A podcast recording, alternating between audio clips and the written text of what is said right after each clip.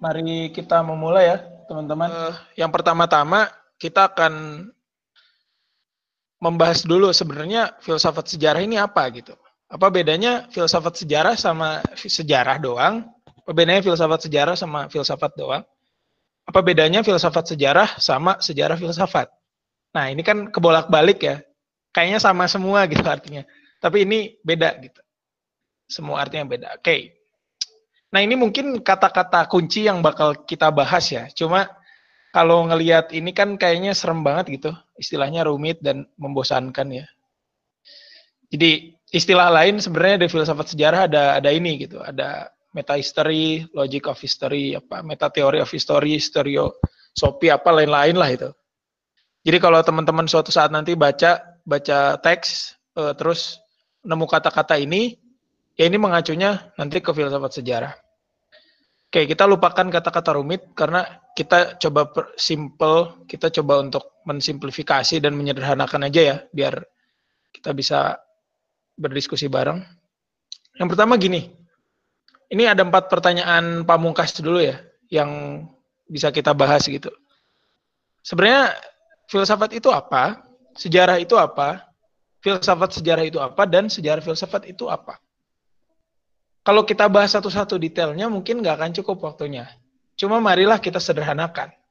Di kiri ini ada seorang youtuber ya, ya youtuber yang fil, youtuber tapi merangkap filsuf gitu, atau filsuf merangkap youtuber. Uh, beliau namanya Martin Suryajaya. Dia uh, penulis filsafat gitu dan uh, kritikus sastra gitu kan. Uh, kebetulan tadi sore beliau baru mengupload satu konten di YouTube-nya. Ntar teman-teman bisa lihat lah di YouTube-nya Martin Suryajaya ya. Terus ditonton. Martin Suryajaya menarik nih. Dia kan orang filsafat ya. Jadi dia uh, membahas gini di videonya. Apakah ketiadaan itu ada? Nah, jadi dia lagi mencari gitu. Ini ketiadaan itu ada atau enggak ya? Tidak ada itu ada atau enggak? Nah, untuk teman-teman yang uh, gak belajar filsafat dan atau baru belajar filsafat mungkin ngedenger kata-kata ini aneh banget ya. Kenapa tidak ada kok dipertanyakan ada tidaknya gitu? Keberadaan dari ketiadaan kok dipertanyakan gitu ya? Nah itu filsafat teman-teman. Jadi filsafat itu sebuah ilmu anggaplah dia ilmu ya. Walaupun banyak orang yang masih berdebat dia ilmu atau bukan nggak jelas. Cuma anggaplah dia sebuah ilmu gitu. Filsafat itu sebuah ilmu yang mempertanyakan segala hal dan mencoba mencari jawaban dari semua pertanyaan. Bahkan ya itu, kadang mempertanyakan hal-hal yang begituan gitu. Masa ketiadaan dipertanyakan ya, ada tidaknya. Ya, tapi itulah filsafat gitu. Dia mempertanyakan segala hal. Apa pun itu. Tuhan ke manusia, alam semesta ini, uh, agama gitu. Sosial, realitas sosial, politik, bahkan ya sampai ada atau tidak adanya ketiadaan tuh ditanyain gitu. Nah, itu filsafat. Tapi kalau kita loncat ke pertanyaan selanjutnya, apa itu sejarah? Mungkin kita tahu. Karena dari SD kan kita udah belajar sejarah ya. Dan kita pasti udah tahu gitu. Sejarah itu pasti ngomonginnya 17 Agustus 1945. Sejarah itu pasti ngomonginnya Majapahit ya. Sejarah itu pasti ngomonginnya uh, ya hal-hal di zaman dulu lah gitu kan. Jadi kita pasti udah tahu lah apa itu sejarah. Nah, mungkin pertanyaan ketiga di sini jadi penting gitu. Lalu apa itu filsafat sejarah? Filsafat sejarah sebenarnya eh, hampir sama kayak videonya Martin Suryajaya yang di kiri ya. Filsafat sejarah ini berusaha mempertanyakan apa pun tentang sejarah. Bahkan mempertanyakan sejarahnya dari sejarah itu gimana? Gitu ya. Atau kenapa sesuatu bisa disebut sejarah? Gitu. Terus batas sejarah tuh di mana sih? Kalau sejarah itu tentang masa lalu, terus dimulainya dari mana gitu misalkan. Kalau masa lalu ya berarti kita belajar dinosaurus juga sekalian gitu kalau di sejarah kan. Atau kalau masa lalu ya udah kita sekalian aja bahas sampai Nabi Adam atau manusia-manusia purba gitu. Yang bahkan orang arkeologi juga kebingungan. Nah ini filsafat sejarah juga ranahnya kayak gitu. Jadi intinya mempertanyakan uh, semua hal secara kritis tentang sejarah, lingkupnya, terus apa itu sejarah, bahkan ya yang lebih dalam lagi. Nah, Itu akan kita bahas. Tapi pertanyaan terakhir jadi penting juga. Kita mungkin harus ngebedain ya filsafat sejarah dan sejarah filsafat. Jangan sampai ketukar. Kalau filsafat sejarah itu upaya untuk mempertanyakan segala hal tentang sejarah dan mencari jawaban di pertanyaan itu. Nah, kalau sejarah filsafat itu upaya menjelaskan bagaimana filsafat sendiri sebagai ide, sebagai cara berpikir itu berkembang dari zaman ke zaman. Biasanya kalau sejarah filsafat orang mulai dari zaman Yunani gitu ya.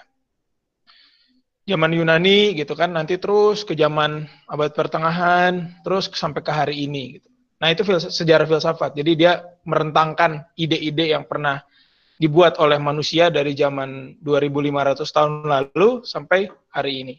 Nah, mungkin itu empat empat pertanyaan awal kita uh, juga bisa diskusin abis ini. Ini kita lanjut dulu. Nah ini buku yang uh, bakal kita bahas dan mungkin bisa tersedia juga ya di IG LSS mungkin bisa di download juga tuh ya. Buku ini tuh penting untuk kita belajar filsafat sejarah karena buku ini ya sebenarnya buku yang uh, diacu ya untuk belajar filsafat sejarah di mana pun. Ini yang nulisnya William Walsh.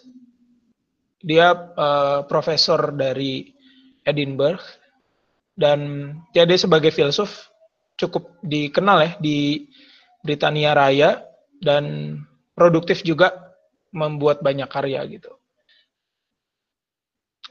Jadi teman-teman bisa baca aja deh. Siapa tahu hari ini kita nggak lengkap. Oke, marilah kita langsung mulai aja ya. Jadi apa yang mau kita bahas hari ini sebenarnya sederhana. Apa itu sejarah? Kalau mungkin kita lepasin dulu ya pandangan kita tentang sejarah seperti pembelajaran dari SD sampai SMA yang membosankan itu ya. Atau enggak, kalau nggak membosankan juga nggak apa-apa, gurunya bagus berarti.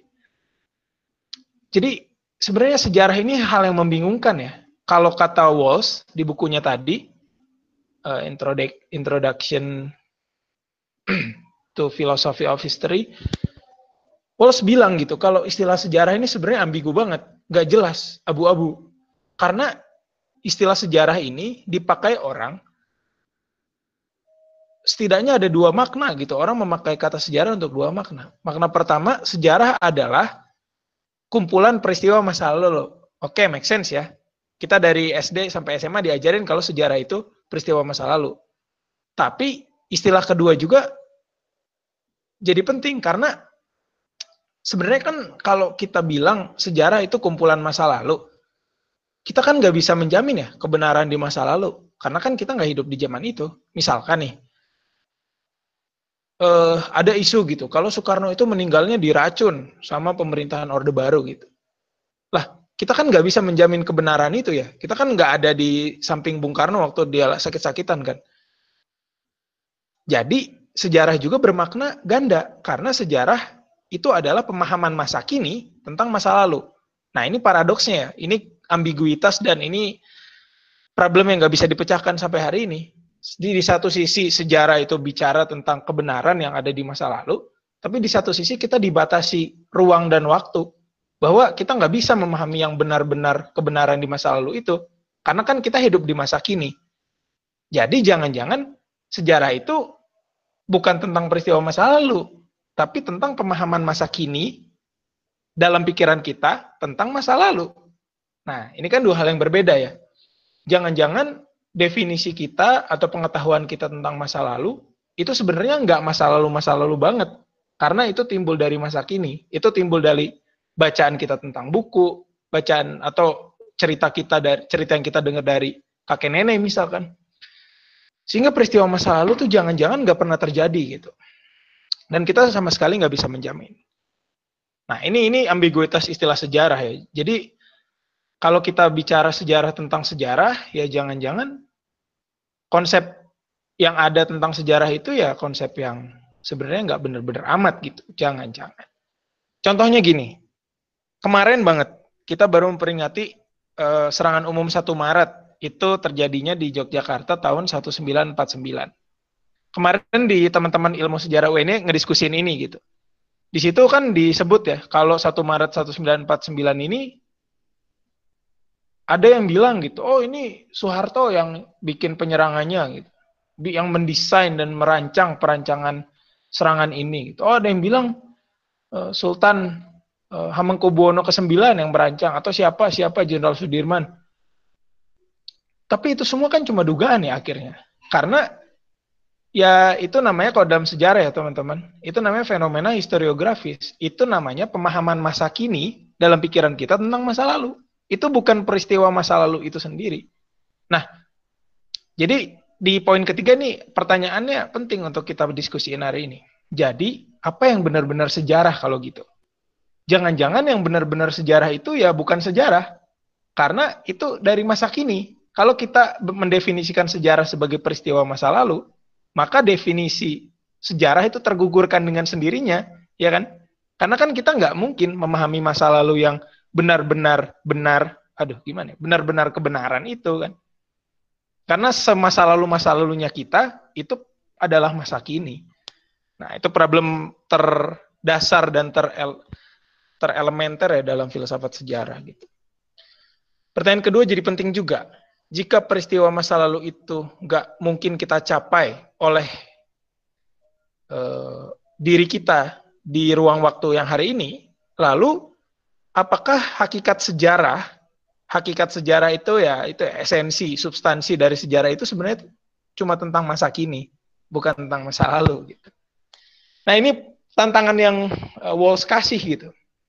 Dan sebenarnya tantangan ini yang sebenarnya membentuk diskursus atau membentuk wacana kenapa filsafat sejarah itu ada. Filsafat sejarah nggak melulu ngomongin tentang apakah kemerdekaan kita benar gak sih 17 Agustus 1945 gitu. Atau kayak soal-soal di UTBK gitu ya yang bilang misalkan siapakah uh, siapakah perwira militer tinggi Majapahit yang membawa Majapahit ke era keemasan gitu. A. Gajah Mada, B siapa, B siapa. Enggak ya. Filsafat sejarah enggak ngebahas hal-hal yang kayak gitu ya, hal-hal yang uh, udah faktual secara historis gitu. Atau bahkan ya kita bisa mempermasalahkan hal yang faktual itu, tapi filsafat sejarah sebenarnya enggak menyempitkan kata sejarah hanya tentang tanggal dan waktu dan orang doang atau tokoh doang, enggak. Dia filsafat sejarah itu mencoba mencari apa sebenarnya esensi dari sejarah, esensi dari masa lalu itu apa? Apa yang benar-benar nyata, apa yang benar-benar kenyataan, apa yang benar-benar nggak nyata. Nah itu diperdebatkan di, di, di filsafat sejarah. Mungkin itu ya teman-teman untuk pengantar singkat dan sederhananya banget. Mungkin kita masuk ke yang lebih rumit lagi. Jadi gini, untuk membahas permasalahan dan pertanyaan-pertanyaan tadi, ini yang jumlahnya berapa nih pertanyaannya? Jumlahnya dua lah. Ini di apa ya? Ada aliran-aliran filsafat sejarah ya yang berusaha menjawab pertanyaan itu. Jadi apa sih hakikat sejarah? Apa sih sesuatu yang benar-benar kebenaran dalam sejarah itu? Aliran pertama ini para filsuf, para pemikir yang dinamakan aliran spekulatif gitu ya, atau aliran substansif lah, substantif kalau nggak salah. Mereka ini uh, para filsuf sebetulnya ya, basicnya para filsuf yang berusaha menjawab pertanyaan tadi. Sebenarnya apa sih inti dari masa lalu itu apa kenyataan yang kenyataan yang nyata dari masa lalu itu apa atau apa itu sejarah secara esensi gitu. Tokoh-tokohnya ada di poin kedua ya, ada Agustinus, mungkin yang udah ikut LSFT pasti tahu Agustinus, terus ada Hegel di zaman modernnya, terus ada Marx. Nah ini pasti udah pada tahu juga ya Karl Marx. Dan yang terakhir ada Arnold Toynbee sebenarnya banyak ya ada e, banyak tokoh lain gitu yang meng, menganut mazhab spekulatif ini. Cuma itu contoh-contoh sedikit aja. Jadi aliran spekulatif beranggapan kalau sejarah itu nggak bisa disikapi cuma terkait peristiwa-peristiwa kecil aja. Misalkan nih, kayak tadi ya, peristiwa umum 1 Maret gitu, 1949. Oh gimana peristiwa itu berlangsung? Oh kronologinya gimana? Siapa aktor-aktornya, siapa tokoh-tokohnya. Nah, itu nggak nggak dibahas sama para pemikir spekulatif ini. Mereka beranggapan kalau sejarah itu tentang proses historical ya, proses uh, historis, proses uh, apa ya, proses yang berjalan secara kontinu ya, secara berkelanjutan dari masa lalu sampai masa kini yang terjadi itu secara total Jadi mereka nggak nggak nggak nggak nggak nggak terlalu menaruh perhatian ke hal-hal yang dalam tanda kutip kecil ya, kenyataan-kenyataan kecil, kasus-kasus sejarah dari tahun ke tahun atau membahas spesifik tahun tertentu enggak. Mereka berusaha merangkum apa yang terjadi dari tahun ke tahun, bahkan dari zaman Yunani sampai zaman ini, terus mereka rangkum semuanya. Mereka cari benang merahnya nih apa sih? Sejarah tuh apa sih? Nah, itu namanya proses historis secara total ya. Kalau menurut uh, Walls tadi. Terus poin keduanya, mereka nih lagi berusaha mencari apa sih makna sejarah. Jadi mereka bukan cuma melihat satu peristiwa nih kayak tadi ya, satu Maret. Mereka lihat, oh ini ada Soeharto, ada ini, atau oh G30 SPKI tahun 65, aktornya ada ABC, gini, gini, gini, gini. Nah mereka tuh nggak nggak bukan kronik ya, mereka tuh bukan bukan mencari apa ya, bukan mencari fakta-fakta dan kumpulan kronologi doang, enggak. Tapi mereka yang lebih penting di sini yang harus dicatat, mereka mencari maknanya apa sebenarnya. Ini sebenarnya sejarah mau bilang apa? Ini sebenarnya rangkaian peristiwa ini membentuk apa? Kenyataan kenyataan bagi mereka, realitas bagi mereka adalah itu kumpulan peristiwa sejarah yang ngebentuk satu pola tertentu gitu. Jadi itu ya aliran spekulatif. Mereka selalu berusaha nyari makna, berusaha memaknai sejarah, bukan cuma melakukan penjelasan-penjelasan aja. Selanjutnya, yang ketiga, mereka juga mencari gerak sejarah. Nah, ini yang penting juga. Jadi setelah maknanya ketahuan, benang merahnya ketemu dari rangkaian peristiwa itu, mereka nyari, lah, terus sejarah ini geraknya ke mana? Sejarah ini geraknya gimana? Maksudnya gini, uh, contoh siapa ya? Uh, contohnya Hegel deh, itu tokoh kedua. Hegel bilang kalau gerak sejarah itu selalu berusaha mencapai puncak. Jadi proses sejarah dari zaman dulu itu pasti memuncak. Jadi ibarat kita naik gunung, bagi Hegel proses sejarah ya kayak gitu. Peradaban apa ya misalkan peradaban Yunani menurut Hegel itu terus berkembang.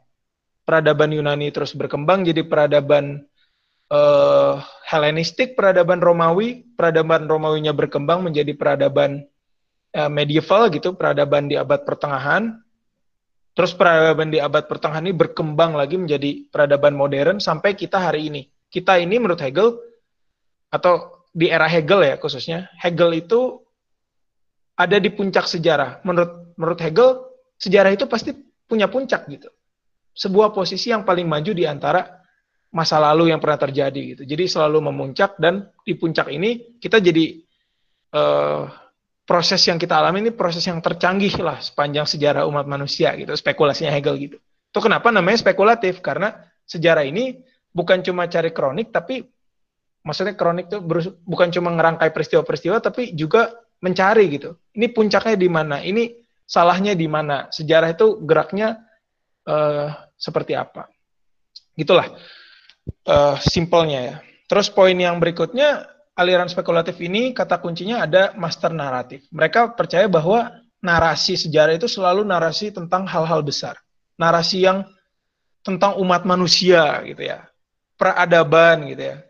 Atau apalagi kebudayaan gitu. Hal-hal yang besar-besar gitu menurut mereka. Hal-hal yang cakupannya global dan universal. Itu namanya master naratif. Jadi bagi mereka nggak berlaku lah sejarah-sejarah yang sifatnya tuh kecil-kecil, hanya ada di lingkup lokal apalagi hanya sifatnya kronik, kronologis, faktanya dijejer-jejerin aja, itu nggak terlalu berlaku. Itu terlihat kalau kita baca Karl Marx ya. Jadi kalau kita baca Karl Marx atau Das Kapital lah misalkan yang paling umum, itu kita bisa nemuin itu master naratif. Karena menurut Marx, misalkan sejarah umat manusia itu sejarah tentang ketertindasan, misalkan. sejarah tentang perang kelas gitu ya. Bahwa kelas borjuis, kelas uh, orang kaya gitu ya simpelnya, itu selalu menindas kelas proletar gitu ya, kelas orang-orang uh, susah, orang-orang miskin gitu. Bagi Marx sejarah bergeraknya ya gerak sejarah tadi karena ada ada dinamika kelas, ada dinamika antara borjuis dan proletar gitu. Ada upaya perang kelas tadi, dinamika antar kelas. Jadi ya gitu-gitu sih. Uh, makanya uh, aliran spekulatif ini motifnya ke sana ya, motifnya di poin pertama tadi. Nah, selanjutnya aliran filsafat sejarah juga berkembang kemudian hari, khususnya juga di Jerman dan Perancis, dan juga kemudian hari di Amerika, dinamakan aliran kritikal. Jadi aliran kritikal ini lebih mengutamakan proses saintifiknya. Jadi kalau aliran spekulatif tadi mem berusaha memaknai secara filosofis, memaknai secara teologis bahkan, memaknai secara metafisik ya, secara secara apa ya? Eh, secara abstrak gitu ya. Tapi kalau aliran kritikal enggak, aliran kritikal itu eh, berusaha untuk memaknai proses kesejarahan sebagai proses yang harus saintifik. Harus ada metodenya, harus menjelaskan suatu secara eksplanatif dan uh, berdasarkan objektivitas gitu. Ini ini sebenarnya lebih dekat ke misalkan kayak teman-teman dari kita ya dari sosiologi atau antropologi atau PKNH misalkan. Ya itu, jadi uh, sejarah bagi aliran ini adalah sebenarnya bukan proses pemaknaan bukan proses pemaknaan secara spekulatif gitu, secara filosofis enggak, tapi harus dimaknai secara metodologis gitu. Jadi harus ketat tuh metodenya gitu. Sehingga kenyataan sejarah dibuktikan melalui metode itu, bukan melalui pemaknaannya. Tapi melalui apa yang sebenarnya cara epistemologis ya bahasa filsafat itu. Cara epistemologis apa yang kita lakukan gitu. Untuk membuktikan satu kenyataan itu benar atau tidak. Sebenarnya ini mungkin untuk teman-teman yang udah baca banyak filsafat ini lebih dipengaruhi oleh aliran positivisme ya. Jadi mungkin teman-teman ingat ya, jadi di akhir era modern tuh ada uh, aliran juga yang namanya positivisme. Mungkin nanti Tika juga bisa nanggepin tuh soal positivisme. Positivisme ini aliran yang menekankan kebenaran empiris gitu. Kalau kata Budi Hardiman tuh aliran empirisme radikal ya. Menurut mereka yang penting itu kenyataan itu harus dibuktikan secara empiris. Lah, terus kan di sini tadi pertanyaan di slide sebelumnya kan belum terjawab gitu kalau kita hidup di masa sekarang, gimana cara tahu hakikat masa lalu? Nah, menurut para pemikir di era aliran kritikal, caranya adalah dengan kita ngumpulin sisa-sisa di masa lalu itu yang benar-benar ada di masa lalu, terus kita cari, kita sesuaikan. Nih, valid gak sih apa yang ada di masa lalu ini? Terus dikumpulin ya, bukti-bukti di masa lalu, terus itulah sejarah jadi benar gitu. Itulah sejarah jadi nyata ketika kita secara empiris nih secara real ngelihat gitu. Oh ini arsip dari zaman Belanda gitu. Oh ini catatan Jan Peter Jan Peter siapa? Jan Peter YP Kun gitu. Oh ini catatan hariannya YP Kun gitu. Kita cari oh ini catatan hariannya uh, Does Dekker gitu. Oh ini uh, arsip Multatuli yang asli nih tulisan tangannya bagi mereka ya itu sejarah tuh terletaknya kebenarannya ketika kita bisa menemukan satu temuan yang faktual, bukti kesejarahan yang uh, faktual, terus kita rangkai baru sejarah. Gitu ya. Jadi kelihatan ya uh, perbedaan utamanya. Dan sampai sekarang teman-teman, dua aliran ini mempengaruhi filsafat sejarah, bahkan ilmu sejarah secara umum gitu. Nah, jadi itu uh, pengantar singkatnya ya. Kalau untuk tokoh-tokohnya bisa dibaca di poin keempat lah. Mungkin teman-teman sejarah udah tahu ya. Ada Nibur, Humboldt, terus Leopold van Ranke, Dilthey, Becker, Bert. Mereka ini uh, ya itu ya dipengaruhi positivis, semangat positivis ya. Dan mereka inilah yang melahirkan sejarah sebagai ilmu. Sejarah bukan lagi filsafat gitu seperti di zamannya Hegel atau Marx gitu. Tapi sejarah jadinya ilmu, dia sains gitu. Dia punya metode. Nah, ini poin ke terakhir yang jadi penting ya. Jadi dua aliran ini sampai sekarang memang masih menghantui perdebatan filsafat sejarah. Gitu. Dari era klasik sampai pencerahan, dari era modern sampai era postmodern. Gitu. Nah, ntar mungkin secara secara lebih lanjut lagi, secara lebih rumit, mungkin bisa kita lanjutin di diskusi ya. Cuma itu pengantarnya gitu, secara singkat. Nah, ini mungkin poin-poin terakhir gitu. Kalau apa yang dari tadi kita omongin ini bukan sejarah, tapi sejarah tentang sejarah. Teori tentang teori sejarah. Historiografi tentang historiografi. Eh, penulisan sejarah historiografi itu ya. Dan filsafat sejarah tentang sejarah dan filsafat. Sehingga teman-teman dalam kajian filsafat sejarah, itu kita nggak banyak ngomongin hal-hal yang kayak tadi ya, toko-toko, tanggal-tanggal rinci, gimana, atau sumber-sumber, enggak. Kita ngomongin gimana sejarah tentang sejarah. Gimana sejarah ini sebagai sebuah ide ini berkembang dari era ke era dan gimana para pemikir-pemikir itu merumuskan esensi sejarah ini apa. Nah, ini mungkin poin terakhir ya yang mau aku sampaikan gitu. Yang kita bisa lanjutkan ke diskusi aja habis ini. Ini cuma pantikan sederhana.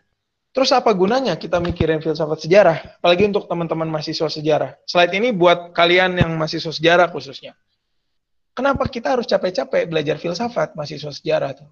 Padahal kita udah jelas-jelas memakai framework yang kayak tadi, kita kerangka kerja ilmiah kita udah jelas kayak aliran apa tadi aliran critical, aliran analytics gitu. Kenapa kita harus capek-capek belajar filsafat lagi? Ini mungkin per, pertanyaan yang mungkin nggak nggak bisa kejawab gitu.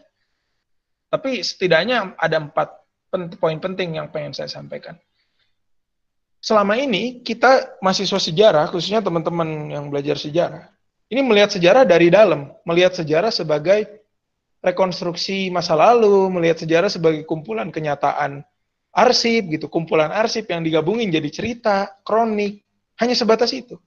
Sementara kita jarang di bangku kuliah itu mendapatkan sebuah pengetahuan melihat sejarah dari luar sejarah itu sendiri. Nah ini yang hanya bisa didapatkan ketika kita membahas filsafat sejarah kita melihat dari luar sejarah. Kita nggak melihat sejarah dari dalam. Kita melihat bagaimana sejarah tentang sejarah. Kita melihat bagaimana ide tentang sejarah itu berkembang. Dan di situlah sebenarnya bagi saya, bagi saya pribadi, di situlah pentingnya akademisi sejarah itu belajar dari filsafat agar kita bisa melihat ini sejarah ini barang apa sebenarnya gitu.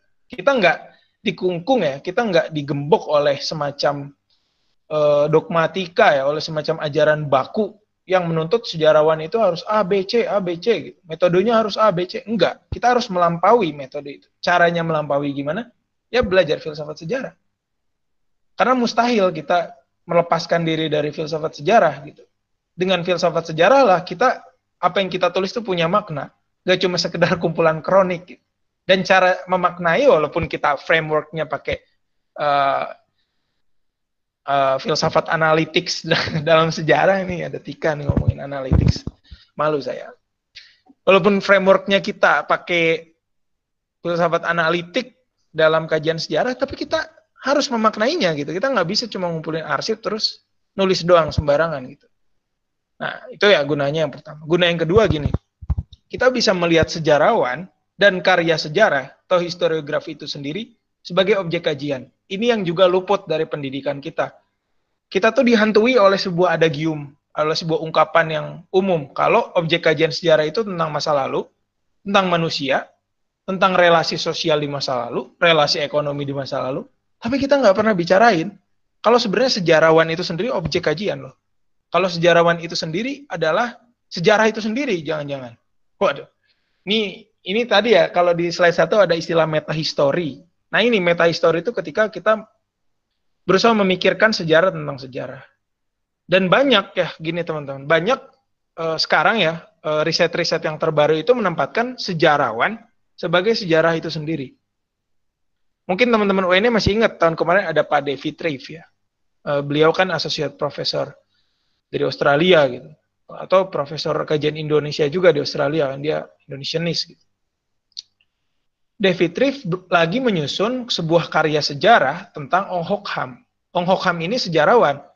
Artinya dia berusaha membuat sejarah tentang sejarawan. Nah, yang gini-gini kan nggak nggak kita pelajari ya di bangku kuliah gitu. Kita hanya dituntut nulis pabrik gula dan apa tuh jalur kereta api gitu misalkan secara mainstream. Tapi ya ini kalau kita keluar dari pattern yang udah ada, kita bisa melihat bahwa sejarah itu nggak nggak sesempit tentang yang mainstream itu gitu. Dan bahkan historiografi itu sendiri bisa kita kaji sebagai objek kajian.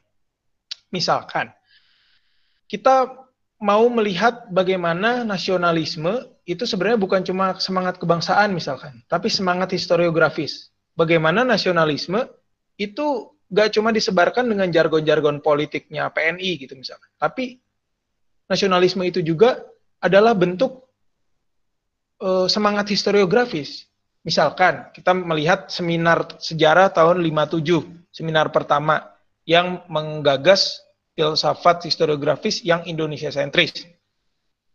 Nah, kita bisa lihat di sana eh, pemikir-pemikir itu menyusun karya sejarah dan karya sejarah yang dibahas di seminar itu itu sebenarnya bisa kita kaji dalam perspektif uh, filsafat historiografi. Kita bisa melihat bagaimana nasionalisme atau upaya dekolonisasi lebih jauh lagi, kajian postkolonial. Ini maaf ya teman-teman kalau bahasanya rada nyejarah ya. Ini spesifik soalnya slide ini buat teman-teman sejarah. Misalkan postkolonial gitu ya. Yaitu karya sejarah bisa dilihat sebagai sebagai objek kajian itu ya, sebagai objek kajian itu sendiri. Jadi bukan peristiwa sejarah sebagai objek kajian aja gitu ya. Nah mungkin ini aku pengen mention ke Ray dan Lana juga yang lagi nyusun paper tentang uh, sejarah perdagangan rempah dan subalternity dan kajian subaltern. Di situ mereka berusaha uh, menggagas bahwa sejarah perdagangan rempah itu bukan cuma bicara tentang jual beli ekonomi rempah, bukan cuma tentang pala dan jahe, tapi tentang bagaimana penulisan sejarah gagal gitu ya. Penulisan sejarah gagal mencangkup kenyataan e, ekspansi kolonial gitu kan. Kenyataan bahwa penduduk lokal, penduduk pribumi, penduduk Indonesia itu dijajah bukan hanya secara ekonomi tapi secara mentalitas gitu ya. Dijajah secara multidimensi gitu. Bahkan ada genosida yang dilakukan untuk hanya berdagang rempah aja. Nah, yang seperti itu kegagalan-kegagalan historiografis itu mainan filsafat sejarah banget gitu. Atau filsafat historiografi lebih detail lagi ada gitu yang mengkaji. Kita loncat aja dulu ke poin ketiga sebelum kepanjangan. Kenapa kita harus memikirkan filsafat sejarah? Karena pada akhirnya sejarah itu bukan cuma tadi ya, bukan cuma sekedar peristiwa kronologis, tetapi kumpulan konstruksi. Karena mungkin saya pribadi uh, sebenarnya lebih suka aliran spekulatif ya. Jadi saya pikir ya itu ya. Hari ini tuh orang kadang terlalu fokus ke metodologi, ke hal-hal yang berbau metode gitu untuk menjamin kebenaran. Padahal jangan-jangan kebenaran itu sebenarnya dalam tanda kutip relatif. Eh, ini posmo ya. Maaf kawan-kawan jadi posmo. Ini kebenaran itu gak, gak, gak bisa dicari objektivitasnya dan kebenaran itu sebenarnya kumpulan konstruksi aja konstruksi faktual ya, konstruksi historical gitu. Bukan cara objektif harus kita cari gitu karena kalau kebenaran itu dikaitkan hanya dengan dokumen tertulis ya bagi bagi kita itu cacat gitu. Kebenarannya nggak utuh dong. Kebenarannya dikontrol dong gitu ya. Kalau kata Foucault kan relasi kuasa yang mengontrol kebenaran gitu. Nah, jangan-jangan sejarah yang dituntut untuk cuma ngulitin arsip doang, ngulitin sumber-sumber historis doang itu sebenarnya nggak objektif dan nggak bisa menjamin kebenaran yang utuh. Jangan-jangan, maaf ya ini, jangan-jangan sejarah itu ya kumpulan konstruksi yang faktual gitu. Eh, sebelum makin ngaco dan makin posmo, kita lanjut ke poin 4. Kenapa kita mahasiswa sejarah, akademisi sejarah harus ngulitin filsafat sejarah? Karena melihat masa lalu dan masa kini harus atau setidaknya diupayakan dalam konstruksi filosofis gitu. Gak cuma historis ontologis saja. Maksudnya gini, ya itu tadi, ketika sejarah yang mainstream, yang dari kecil udah diajarkan kepada kita itu cuma tentang historisitas, cuma tentang kumpulan peristiwa, kronik, bla bla bla itu, itu itu jangan-jangan kita nggak bisa mencapai sejarah yang utuh gitu bahwa ya pada akhirnya sejarah yang utuh itu kan selalu filosofi sifatnya, selalu berangkat dari problem filsafat, nggak berangkat dari hanya sekedar kronik aja gitu ya. Jadi menurut saya ini provokasi yang akan saya tawarkan ya bahwa mahasiswa sejarah ketika belajar filsafat sejarah ya ini yang didapatkan gitu. Atau pembaca sejarah yang membaca pakai perspektif filsafat ya ini nanti yang didapatkan gitu.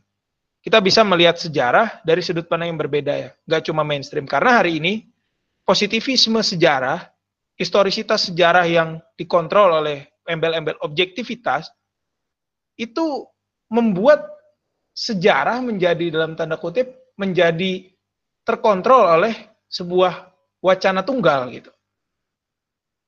Misalkan gini, kalau tadi Leopold ini maaf ya teman-teman sekali lagi jadi nyejarah banget.